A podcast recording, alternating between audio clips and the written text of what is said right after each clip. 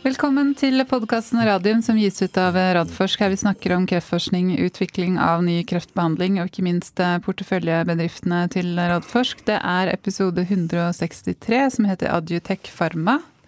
Det er 17. februar, klokken er 12.30. Jonas Einarsson, du har kommet deg i studio. Det er veldig hyggelig å ha anledning til å være i studio. Se, se, se mennesker live en gang i uka er fantastisk.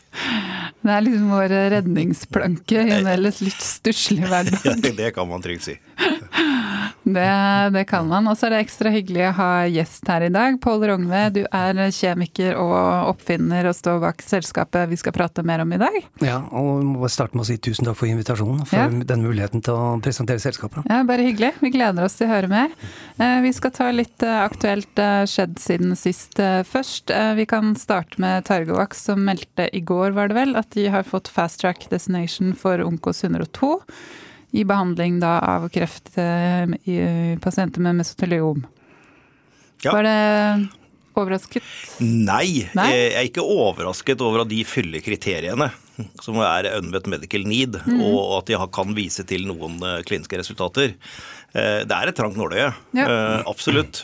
Men, men, etter min mening så Vi vet jo at mesteliom absolutt er et unmet medical need. Og, mm. og hvis dette, disse resultatene som er kommet nå, blir beregnet av FDA og oppfyller kriteriene til at det er sannsynlig at dette kan komme på markedet, så, så er det, det, det, er litt sånn at, at jeg hadde regna med det, men mm. det er alltid alltid veldig hyggelig å få den bekreftelsen, og det er jo en god bekreftelse fra FDA at dette er et produkt de ønsker å hjelpe selskapet å få ut på markedet. De får kortere behandlingstider, de får mer oppfølging på rådgivningssiden i forhold til å designe de kliniske studiene.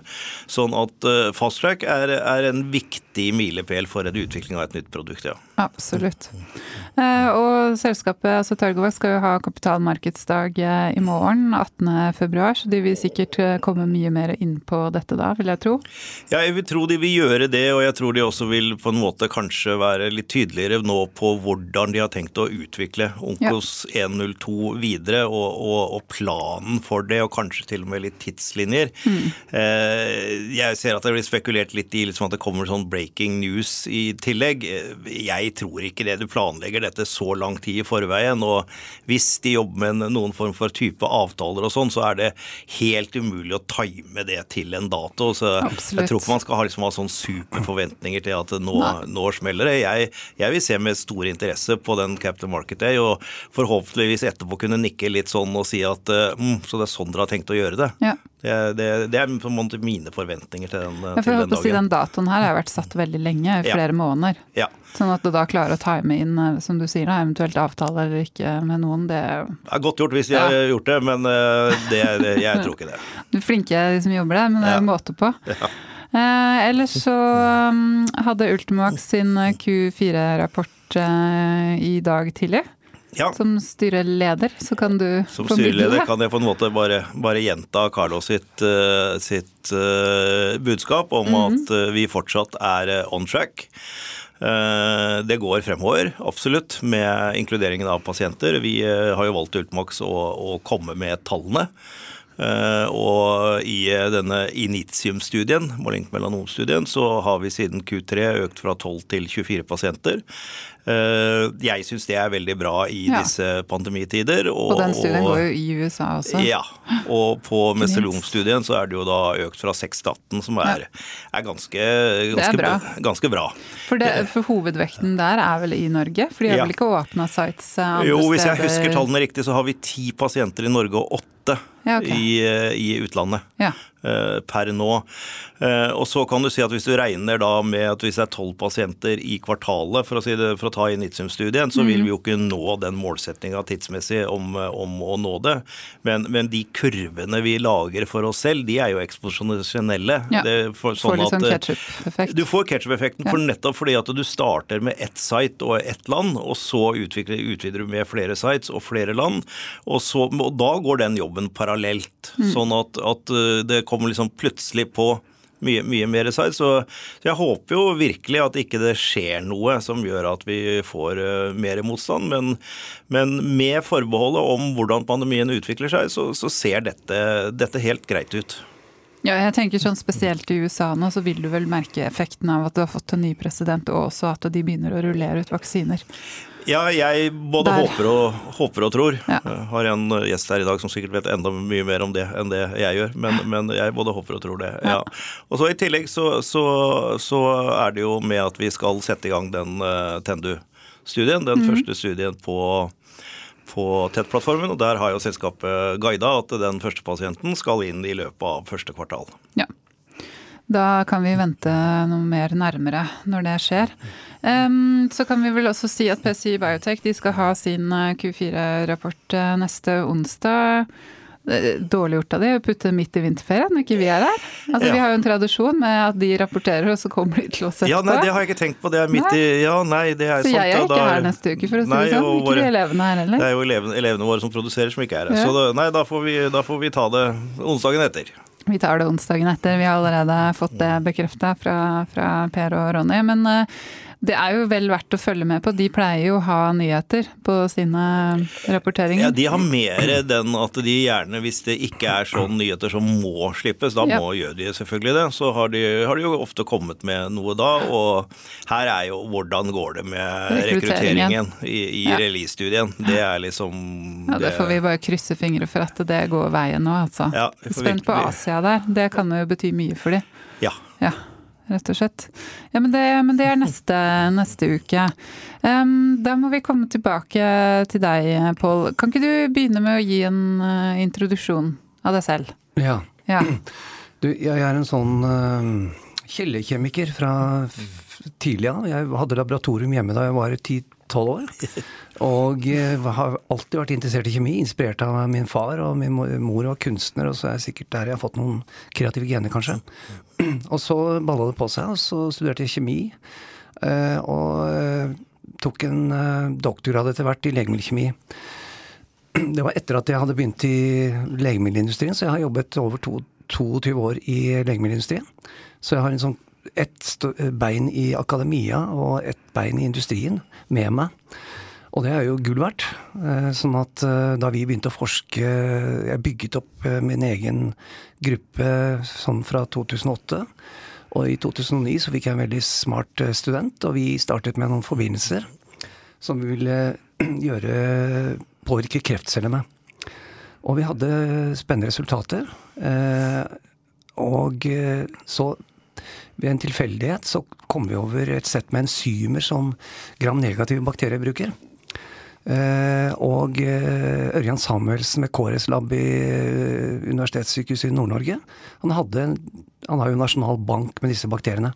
Så så vi, så vi et, en link mellom det vi holdt på med, og det Ørjan holdt på med. Og så fikk vi lov å teste på hele hans biobank. Mm. Og det var himmelropende resultater, altså. Det var sånn at uh, vi fikk teste på bakterier som da siste skanse antibiotika ikke virker på lenger. Karbapenemer. Uh, og da er det jo gram-negative bakterier som er, uh, er de, de, verste. sykehusbakteriene, det er stort sett gram-negative bakterier. og vi hadde altså effekt på de tre øverste bakteriene på Verdens helseorganisasjons liste. Og det er sånn at disse bakteriene var resistente mot uh, karbapenem. Når vi kombinerte med vår, uh, vårt stoff, så hadde vi opptil 500 ganger effektivisering av uh, dosen. For det første så virket legemiddelet igjen. For det andre så vi, kunne vi bruke legemiddelet på opptil 500 ganger lavere dose. Mm. Og det var sensasjonelt. Det var mm. akkurat de bakteriene som er, skaper mest problemer nå ute. Mm. Så det var sånn himmelropende eh, opplevelse. Og så ville vi sjekke at dette virkelig stemte, så vi gikk ut og testet på en svær internasjonal samling av bakterier. Det er noe som heter IMA Collection. Og eh, Så nå har vi testet på 234 bakterier, og det er samme resultat hele veien. Altså, eh, Vårt stoff, som er en adjuvant, det er ikke et eget antibiotikum. Det er et eh, like vannløselig som sukker, egentlig. Eh, og eh, så det, det, ødelegger resistensen i bakteriene. Altså Istedenfor å tenke sånn som man alltid har tenkt med at man skal lage et nytt antibiotikum mm. som man må spise som piller, mm. så går vi inn og tar resistensen i bakteriene, slik at et legemiddel på markedet virker igjen. Mm. Mm. Det er den nye tankegangen. Og det er, mm. det er, en helt moderne trend i antibiotikaforskning. At man flere, det er færre og færre sånne store bredspektrede antibiotikaprosjekter. Eh, nå er det mer at du går rett på resistensmekanismene, og det er det vi har gjort. Mm. Og dette er en helt ny substansklasse som vi har funnet opp. Det er, dette, det er dette som er så kjempebesnærende med, med, det prosjektet. For vi har jo, vi har, Jeg har jo også sagt at jeg ønsker at med tid og stunder så, så vil Radforsk også satse på dette med antibiotikaresistens. fordi det er hvis ikke vi gjør noe, så blir det den største utfordringen for kreftpasientene. At de kommer til å dø av, av infeksjoner når de er under immunterapi og annen behandling. Og så har man etterlyst ja, men hvorfor har på en måte ikke Big Pharma og andre satset på å utvikle nye antibiotika. Ja, men altså, de må også ha et marked. Og hvis produktet ditt kun skal brukes når alt annet ikke fungerer, og det beste med produktet ditt er at det ligger på hylla, og, og, du har det i aller siste instans, så blir markedet så lite at jeg tror det er en av grunnene til at Big Pharma ikke har satset så mye på det. Så den tankegangen deres nå med denne adjuvans Adjuvans betyr egentlig noe som kommer i tillegg ja. for å hjelpe til. Bare for å forklare det. Et hjelpestoff. Absolutt. På samme måte som vi bruker i kreftvaksiner og andre vaksiner bruker en adjuvans for å fremheve effekten. Av, av, stoffet. Så tanken deres er, er, er, eh, veldig spennende. Og det, Ikke bare det, men akkurat den klassen bakterier som vi har effekt mot, eh, det er noe som kalles metallobetalaktamaser. Eh, og det er et, et, en resistensmekanisme, disse bakteriene som skaper mest problemer. Som ødelegger moderne betalaktam-antibiotika. Slik at Og akkurat den klassen med bakterier finnes det ingen legemidler på markedet. Mm. Så, så, vi møter et enormt medisinsk behov, egentlig. Ja. Mm. Og samtidig som legemiddelindustrien uh, ikke tør å satse det er flere grunner til det, bl.a. at det oppstår resistens ofte. Mm. Eh, ikke bare ofte, men du ser det historisk at gang på gang så kommer det resistente bakterier et par år etter at du har fått et nytt antibiotikum på markedet. Mm. Så eh, det er en av grunnene til at eh, ikke legemiddelindustrien tør å satse. Og det er ja. som du sier, Jonas, også, at dette er jo ikke noe som skal brukes som en kur, som et, eh, et legemiddel du skal ta en pille av hver dag. Eh, men vi ser et stort marked i det at dette er en sånn eh, eh, noe som syd, sykehuser over hele verden har i beredskap mm. når de vanskelige infeksjonene er der. Mm. Og f.eks. en bakteremi, altså en blod, blodforgiftning. Mm. Eh, og så er det, det, det problemet som du ser i mange indikasjoner, sykdomsområder, at eh, det er sekundære lungeinfeksjoner blir et større og større problem, spesielt mm. covid nå. Mm. Det er en uh, Scientific American-artikkel fra 2020 som har en god analyse av det, at uh, mange av disse pasientene som får virusinfeksjoner, de dør av lungebetennelse. Mm. Og hvis de bakteriene som er der, blir resistente, mm. da har verden et mye større problem. Ja. Men eh, Så dette her er jo da på en måte fundamentet for det selskapet som dere har stiftet som heter Adjutec Pharma, ja. som er en del av, av inkubatoren eh, Oslo Ganske Inkubator. Um, og kan ikke du si litt om, om selskapet og hva dere planlegger å gjøre framover? Ja, nå har vi vært flinke å hente inn penger. Vi har hentet inn over 20 millioner i Norge og Danmark. Mm. Og det har gitt oss mulighet til å lage en meget god dokumentasjonspakke, så vi er egentlig begynt på preklinisk eh, fase. Altså før du får lov å gå i klinisk utprøving, så må du jo teste dette eh, i dyr osv. Så, videre. så vi har begynt, allerede begynt på den fasen. Så vi har nå fått på plass et team. Eh, vi har eh, lisensiert patentene. Og vi har et, eh, en, en veldig solid pakke med dokumentasjon. Det som er fantastisk med pakken, er at vi har enda ikke sett et eneste tegn på toksisitet med vår adjuvant. Mm. Det er helt utrolig. Mm. Vi har gjort to eh, dyrestudier in vivo, både i eh, mus og rotte. Ikke et tegn på irrelevante doser, altså i nærheten av det vi tenker er klinisk dose. Mm. Eh, på tox, og ingen heller in vitro eh, tox mm. har vi sett, altså. Og vi har kjørt eh, halve Eh, den prekliniske pakka med uh, in vitro-doc, så ser ingenting. Mm. Og så har vi gjort efficacy da, to ganger i Statens seruminstitutt i København. Og der har vi signifikant effekt på infeksjon i mus med en av de verstingbakteriene, Klebsiella. Mm. Med en sånn metallobetaraktomase. hvor vi faktisk har signifikant effekt på en infeksjon som er lagt inn intraperitonealt, altså i, i abdomen. Så det var en veldig flott pakke. Og så søkte vi Forskningsrådet nå, IPN. Og vi fikk altså tilslag om 16 millioner fra Oi. IPN mm. i desember. Mm. Det er gøy. Og det var sånn Hallo! Yes! det er noen andre som tror på oss. Ja. Så nå er vi kommet i den fasen at vi har en, vel, en krystallklar plan. Mm. Både med hensyn på hvor mye penger vi trenger, og med hensyn på akkurat hvilke studier vi skal gjøre. Mm. Så vi, vi, er klare, og vi er i, i den fasen hvor vi skal hente penger. Og vi har eh, en norsk produsent som skal lage dette for oss, Syntetika, mm. som har GMP-produksjon her, ikke langt unna herfra. Mm. Og eh, vi har en stor uh, europeisk aktør, uh, Evotech, eller nærmere bestemt Aptuit i Verona, som skal kjøre den prekliniske pakka for oss. Og det er de som har gjort den første delen av dokumentasjonen, så vi bruker, fortsetter å bruke samme firma. Mm. Pluss at uh, vi har en partner på Universitetet i Oslo Eh, som skal gjøre masse mikrobiologi. Og eh, det er viktig å finne ut av mechanism action, altså hvordan er det egentlig dette virker. Ja. Og hvordan er det resistensen virker. Og apropos det siste, så har vi gjort, vært veldig nøye med å gjøre det tidlig. For det er nemlig mulig nå å finne ut på laben om dette har potensial for å utvikle resistens. Det kan vi gjøre nå i løpet av to måneder. Mm. Så vi har gjort ett studie i Uppsala og ett i Oslo. Eh, for å se om vår adjuvant genererer nye resistensgener. Mm. Så i våre dager så kan du gjøre serial, det du kaller serial passaging. Altså du, du, dyrker frem de verste bakteriene, og så ser du på de som tåler alt. Og så ser du på genomet, og så ser du er det noen nye resistensgener her. Og i begge studiene så viste det var entydig. Det var ingen nye resistensgener mot vår adjuvant. Mm. Og siden den ikke er antibiotisk, så har vi tro på at det, det er fordi at den ikke er noen trussel mm. mot bakteriene selv. At bakteriene oppfatter ikke vår adjuvant som en trussel. Og dermed så Nei, fordi, hvis jeg prøver å skjønne det, fordi det, dette er jo sånn De produserer dette et enzym med disse bakteriene, ikke sant? Ja. Betalaktamase. Mm. Uh, og den, når den blir produsert, så er det den som ødelegger antibiotikaen. Riktig. Og det vet jo ikke bakteriene. Nettopp. At, at den, eh, at den betalaktamase blir eh, ødelagt. For du stopper jo ikke den fra å produsere det. Nei, nettopp. For eh, den, den betalaktomasen kommer ut i det du kaller periplasma i gram negativ ja. bakterie. Den går ut av den indre membranen. Og så kommer du ut i det rommet hvor kampen står da mellom ja. antibiotikumet og bakteriens forsvarsmekanisme.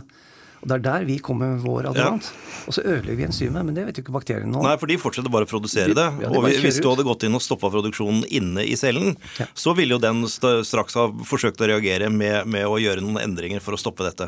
Nettopp. Og derfor så tror vi at vi har funnet noe unikt på egentlig mm. flere måter. At, uh, på en måte har... outsmarta litt det der våpenkappløpet som de holder på med. Ja, mm. vi tror det. Og samtidig så er denne metallobetalaktamase, den ser vi er på veldig fremvekst. Jeg har noen data fra Canada 2019 som viser at eh, det er den forsvarsmekanismen som øker mest eh, blant de gram-negative bakteriene, altså mm. metall og betalaktamase. mm.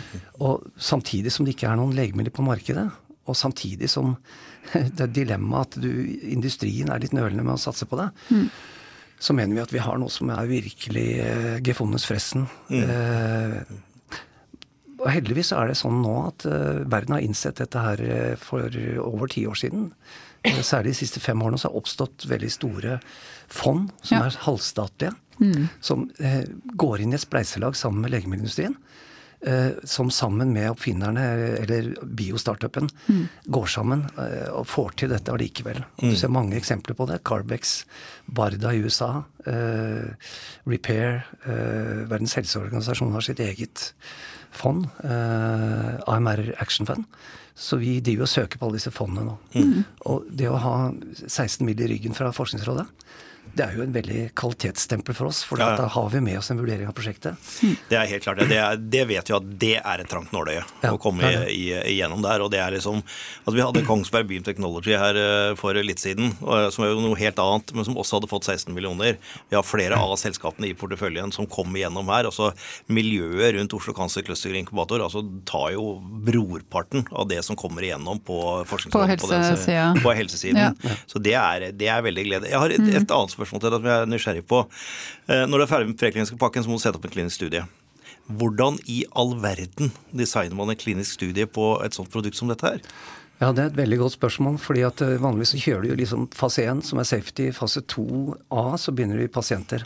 Her må du tenke litt annerledes. fordi at uh, du må starte med en, en fase 1, 1A, som er rett og slett bare safety. Bare tox. Bare tox. Men i, allerede i fase 1 så er du nødt til å kjøre en kombinert studie med kombinasjon. Det er det Ja. du kaller fase 1B. Ja. Uh, og allerede der så vil du se de første Effekt. resultatene på om dette virker eller ikke. Ja, Så du du kjører en kombinert safety og Ja. efficacy-studie på pasienter i fase 1, Ja. egentlig. Ja, og ikke, ikke sant? Fordi at du, du, du må kanskje kjøre tre, fire, fem, seks pasienter bare med adjuvansen, vil jeg tippe. Ja. Eh, For, for du får ikke lov til å gi kombinasjonen før du i hvert fall har vist i noen få pasienter. Nettopp. Men hvis du da kjører, kjører kombinasjonen på, på det, og allerede da kan lese ut efficacy, så må du jo kunne gå rett i en randomisert fase to. Som i, i har et potensial om å være pivotal hvis, du, hvis det virker så godt som du sier. Det, det kan jo bli et veldig raskt uh, utviklingsløp da, hvis, Ja. hvis alt klaffer. Du ser det i USA også. Det er en, eh, et, et lignende preparat som ikke virker på metallobeta-lactamase, men noe som heter serin-beta-lactamase. De har også en sånn adjuvant, og de har kjørt fase 1 av fase 1B. Og så går det rett i fase 2. Og den, den kliniske utprøvingen er utrolig rask. Ja. Og det har også noe å gjøre med at eh, når FDA f.eks. ser at dette er et, eh, en formulering som har poten potensial for å redde liv, så får du ofte komme inn i en sånn fast track to market-ordning. og du ser EMA også. Ja. Europa nå kjører litt samme pakke. eh, at de slipper sånne, sånne eh, produkter raskere frem. Absolutt. For, slipper unna eh, administrasjon og somling, Ja. men du må gjennom de samme studiene, selvfølgelig. Jo. Det er, nei, det er kjempe, kjempespennende. Beklager, Elisabeth, det er du som egentlig skal stille spørsmål. Nei, spørsmål. det- syns jeg Vi er er to som har denne podkasten, er vi ikke det? Må- Skal du liksom framstille deg som sånn her tause Birgitte? Det syns jeg er rimelig feilslått. Men jeg må bare få lov å si også at det, så, i to dager siden så fikk jeg beskjed om at uh, patentet vårt som dekker dette, blir innvilget i USA og i Europa. Ja, så bra. Gratulerer. Hallo, det er enda en, enda en Ja, Ja. og det er et, Det er bra. bare da, Det er det, det går jeg ut ifra er et, et, et direkte produktpatent. Ja, det er- Ikke, det er ikke anvendelse, ikke prosedyre, ingenting. Det er produktpatent, og det er det beste patentet du kan få. Absolutt, det er helt riktig. At det er mye vanskeligere å omgå et produktpatent. Eh, Så vi har eh, solid beskyttelse for den nye klassen med substanser vi har funnet opp. Og kan si Metodepatenter er lettere å omgå, for da du kan alltid finne en ny metode for å lage samme produkt. Ja. Men har du beskyttelse for selve substansene, så er du på trygg grunn, egentlig. Ja. Så vi går bredt ut nå i Asia også med patentarbeid. Vi har innlevert eh, søknader i India, Kina og Japan også. eh, Sånn at vi passer på at vi har beskyttelse i de store markedene. Så det ser veldig lovende ut. Ja, så bra. Mm. Når planlegger dere å gå i klinikk, altså i mennesker? Vi, eh, vi er aggressive, så vi tror at vi skal klare å komme i klinisk utprøving i 2022. Ja. faktisk. Okay. Ja, og vi har fått en tidsskjema nå fra Evotech som eh, overbeviser oss om at det skal være mulig å få til. Og Evotech kjører en sånn ferdig IND-pakke, altså en Intended New Drug Application. Du må søke myndighetene om å få lov å starte klinisk utprøving. Og en sånn IND tror, tror vi at vi kan ha i, i 2022. Ja.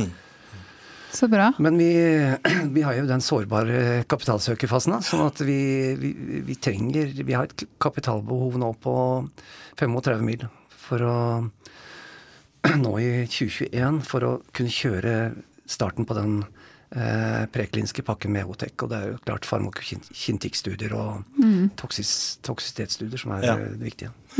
Og da, så, ja, da, da er det en, eh, en pakke som dere nå skal uh, hente inn penger til. Hva sa du, 30? Ja, Ca. 35 millioner 35 trenger vi, har vi regnet på nå. Ja, 35 millioner. Det vil bringe deg fram til å være klar til å gå inn i, eh, i, i fase 1. Ja. Og så blir det da en ny finansieringsrunde. Ja. som Du da, du får se litt an markedet og sånn, da, men hvis du klarer å hente inn nok penger til å gjøre ferdig en fase 2 randomisert da, så, så tar du de penga. Men hvis Ja. ikke, så kan du jo også ta penger hvis markedet er litt vanskelig, til å gjøre fase 1 A og B. Ja, det, det er riktig. Men vi regner med at uh, hvis vi klarer å eh, hente inn nå 35 og uh, skjøte på med de pengene fra Forskningsrådet, så tror vi at vi skal komme, klare å komme oss inn i fase 1. Men da øker jo kapitalbehovet, Ja, ja. og kanskje Vi har regnet litt på det, men ca. 200 mill. vil være kapitalbehov i neste Ja. emisjon. da. Ja, Pluss minus en million per pasient er liksom Ja. tommelfingerregelen. Ja. sånn, ja. Yes, da har vi fått eh, enda en gjest eh, i studiet som har sneket seg ut fra, fra et annet møte for å rekke noen minutter her. Bjørn Klem, som leder Oslo Ganske Cluster Inkubator. Takk for invitasjonen. Det var uh, hyggelig å kunne sitte her igjen. Ja. En stund siden sist, men uh, nå med et veldig nytt uh, og spennende selskap. Mm. Det, var det, det var det du skulle si? Da må jeg, jeg må kan jo gjerne utdype litt, grann, da. Ja, altså jeg, jeg har ikke fått fulgt med helt hvor dere har, hva dere har vært innom, innom men det er klart at vi har hatt stor glede av å bidra nå med vår kompetanse inn til Pål og, og, og, og selskapet hans gjennom halvannet års tid. Eh, Det har vært eh, krevende med både forhandlinger rundt patenter og finansiering, men vi har kommet langt. eh, Og det er jo alltid en, en eh, utfordring også å finne folk som kan bidra et, inn i et selskap som ikke har altfor mye penger. Sånn at eh, det å få satt på plass et styre med veldig kompetente folk som, eh, som bidrar aktivt, inkubatoren som bidrar aktivt, finne de medhjelperne som kan bidra også med som nevnt kontrakter og den type ting. Sånn at selskapet nå er satt opp på en skikkelig måte og med en eierstruktur som gründeren er fornøyd med osv. Det, det er vi veldig fornøyd med. Eh, Og de planene vi nå har lagt for å ta selskapet videre inn i preklinisk eh, og klinikk til neste år, det ser vi veldig frem til. Så Forskningsrådet har nå sagt sitt. De bidrar, som sikkert er nevnt allerede. Mm. Og så vil vi eh, nå gå ut og finne investorer som kan eh, hjelpe til på toppen der. Ja. Og da var det snakk om 35 millioner kroner nå i første omgang. Ja, Ja. cirka. Da har vi, får vi kommet oss eh, til en IND-søknad. Mm. Og kanskje litt forbi det. Ja. Og bare for, da, for lytterne, en, en godkjent IND-søknad betyr at du kan starte den første kliniske studien. Grønt lys fra myndighetene Ja. til å starte første gang du går i menneske. ja. Og Det jeg syns er litt artig med dette prosjektet, er jo også at eh, for, i og med at dette er et eh, antibiotikaprosjekt, så får man vite veldig mye ganske tidlig. Mm. I både på laben og i dyrene. Dette stoffet skal jo ikke, eh, sammen med et antibiotikum, ha noe som helst effekt på pasienten. Det skal kun fjerne bakteriene. Og det kan testes ut i stor grad på labbenken og i dyr. Dyremodeller. Eh, Sånn at eh, det er mye risiko tatt ut ganske tidlig i dette prosjektet sammenlignet med andre typer produkter produkter som har farmakologiske effekter på pasientene. Ja, og vi har allerede gjort det sånt det du kaller off-target-effekter. Altså at eh, hvis du skal gjøre noe med bakterier, så ønsker du ikke noen effekter på verten. ikke sant? Nei. Og vi har gjort et studie allerede med et eh, menneskeenzym som var ingen eh, negative effekter på det enzymet. Men det er et tysk firma som nå kan kjøre et, et sånt serie med sånne humane enzymer for å sjekke at ikke vi gjør noe med vår egen humane biologi når vi skal ødelegge bakteriene. Så, så det vi, det og teamet har vist eh, hittil er jo veldig oppløftende. Eh, Men det er veldig lite bivirkninger som er observert. Eh, Veldig god effekt på bakteriene. og Dette er jo resistente bakteriestammer som man har samlet rundt omkring i verden. Eh, Så det ser veldig lovende ut. Selvfølgelig må vi over i pasienter og, og friske frivillige for å forstå mer av dette, men, eh, men så langt så er vi veldig optimistiske. Ja, For, for det du sier da, betyr det at det, altså de undersøkelsene man gjør på, på mus og rotter, og de undersøkelsene man gjør hos mennesker, altså den barrieren mellom mus og rotter som vi ofte snakker om i kreftmedisin, mm. det, at du, det at du kurerer kreft hos mus, betyr ikke at du kurerer kreft hos mennesker, men den barrieren har man ikke her på den samme måten, da. Man har jo egentlig ikke det. Det som eh, da er litt spesielt, er jo at man ønsker å se på det som kalles farmakokinetikk. Og det betyr at hvordan stoffet fordeler seg i kroppen, skilles ut av kroppen osv. Og eh, det er en sterk da, sammenheng mellom på en måte da, den, den kunnskap man har om disse tingene, fordelingen og distribusjonen av stoffet, og den effekten man får. Har man fått en konsentrasjon som gir effekt i, eh, i en dyremodell, så er målet å få den samme konsentrasjonen inn i lungevev eller i urinblæren, hvor disse infeksjonene kan sitte. Og det kan man måle ganske direkte. Så det er, på en måte, det er på en måte mye av jobben som skal gjøres da i fase 1. Og disse programmene er da mye større i fase 1 for den type produkter. Typisk snakker vi nå om 250-300 eh, friske frivillige og pasienter, Ja. mot normalt et langt lavere antall. Ja, ja. Eh, På den annen side så er det da produkter som har gått uh, før oss i dette sporet, som så hopper over fase to. Mm. Det er nesten ikke, Man går rett over i fase tre. Skjønner. Sånn at uh, pasientprogrammene er store, men man er ferdig der, så er, det, så er, er kunnskapen så god at man kan gå rett over i fase tre. Ja, du, går rett over i en pivotal randomisert studie. Rett og slett. Ja. Men det som er forskjellen på et kreftprosjekt og et antibiotikaprosjekt, er jo at eh, kreftcellene er jo på en måte våre egne celler som har gått amok. Mm. Eh, men her snakker vi om prokaryoteceller, en helt annen celletype, ja. som har invadert oss. Og dermed så blir det lettere egentlig å teste om det har effekt med, mot uh, bakterier enn, å teste mm. at det har effekt mot kreftceller. Det du ikke slipper unna, det er jo safety-studier, altså ja. toksisitetsstudier. Det må du gjennom allikevel. Ja. Ja, men Så bra. Jeg vet at du, du har et møte nå, ja. Einarsson. Jeg. jeg tenker kanskje vi har vært gjennom det meste, men kan ikke du ta en liten Nei, vi har, vi har absolutt det. Eh, og, og, som jeg sier, eh, litt sånn fra Radforsk sin side, så er jo vi veldig sånn eh, har hatt skylappene på nå i, i, i alle år. Og, og, det er kreft, og det er immunterapi, og det er de nye tingene der. Men vi begynner også å se at uh, det er veldig viktig at i randsonene rundt det, at det også er annen type selskaper som vokser frem. Uh, og vi hadde Kongsberg Beam Technology her for noen uker siden. Vi har hatt Onko Immunity tidligere i, i radsforsfæren. Uh, og dette med, med antibiotikaresistens. altså jeg, jeg, sitter også i styret i Oslo Science City, og der driver vi nå og plukker ut altså Helse og life science blir ett av, av de pilarene i Oslo Science City. Og så skulle man finne satsingsområder innenfor Oslo Science City.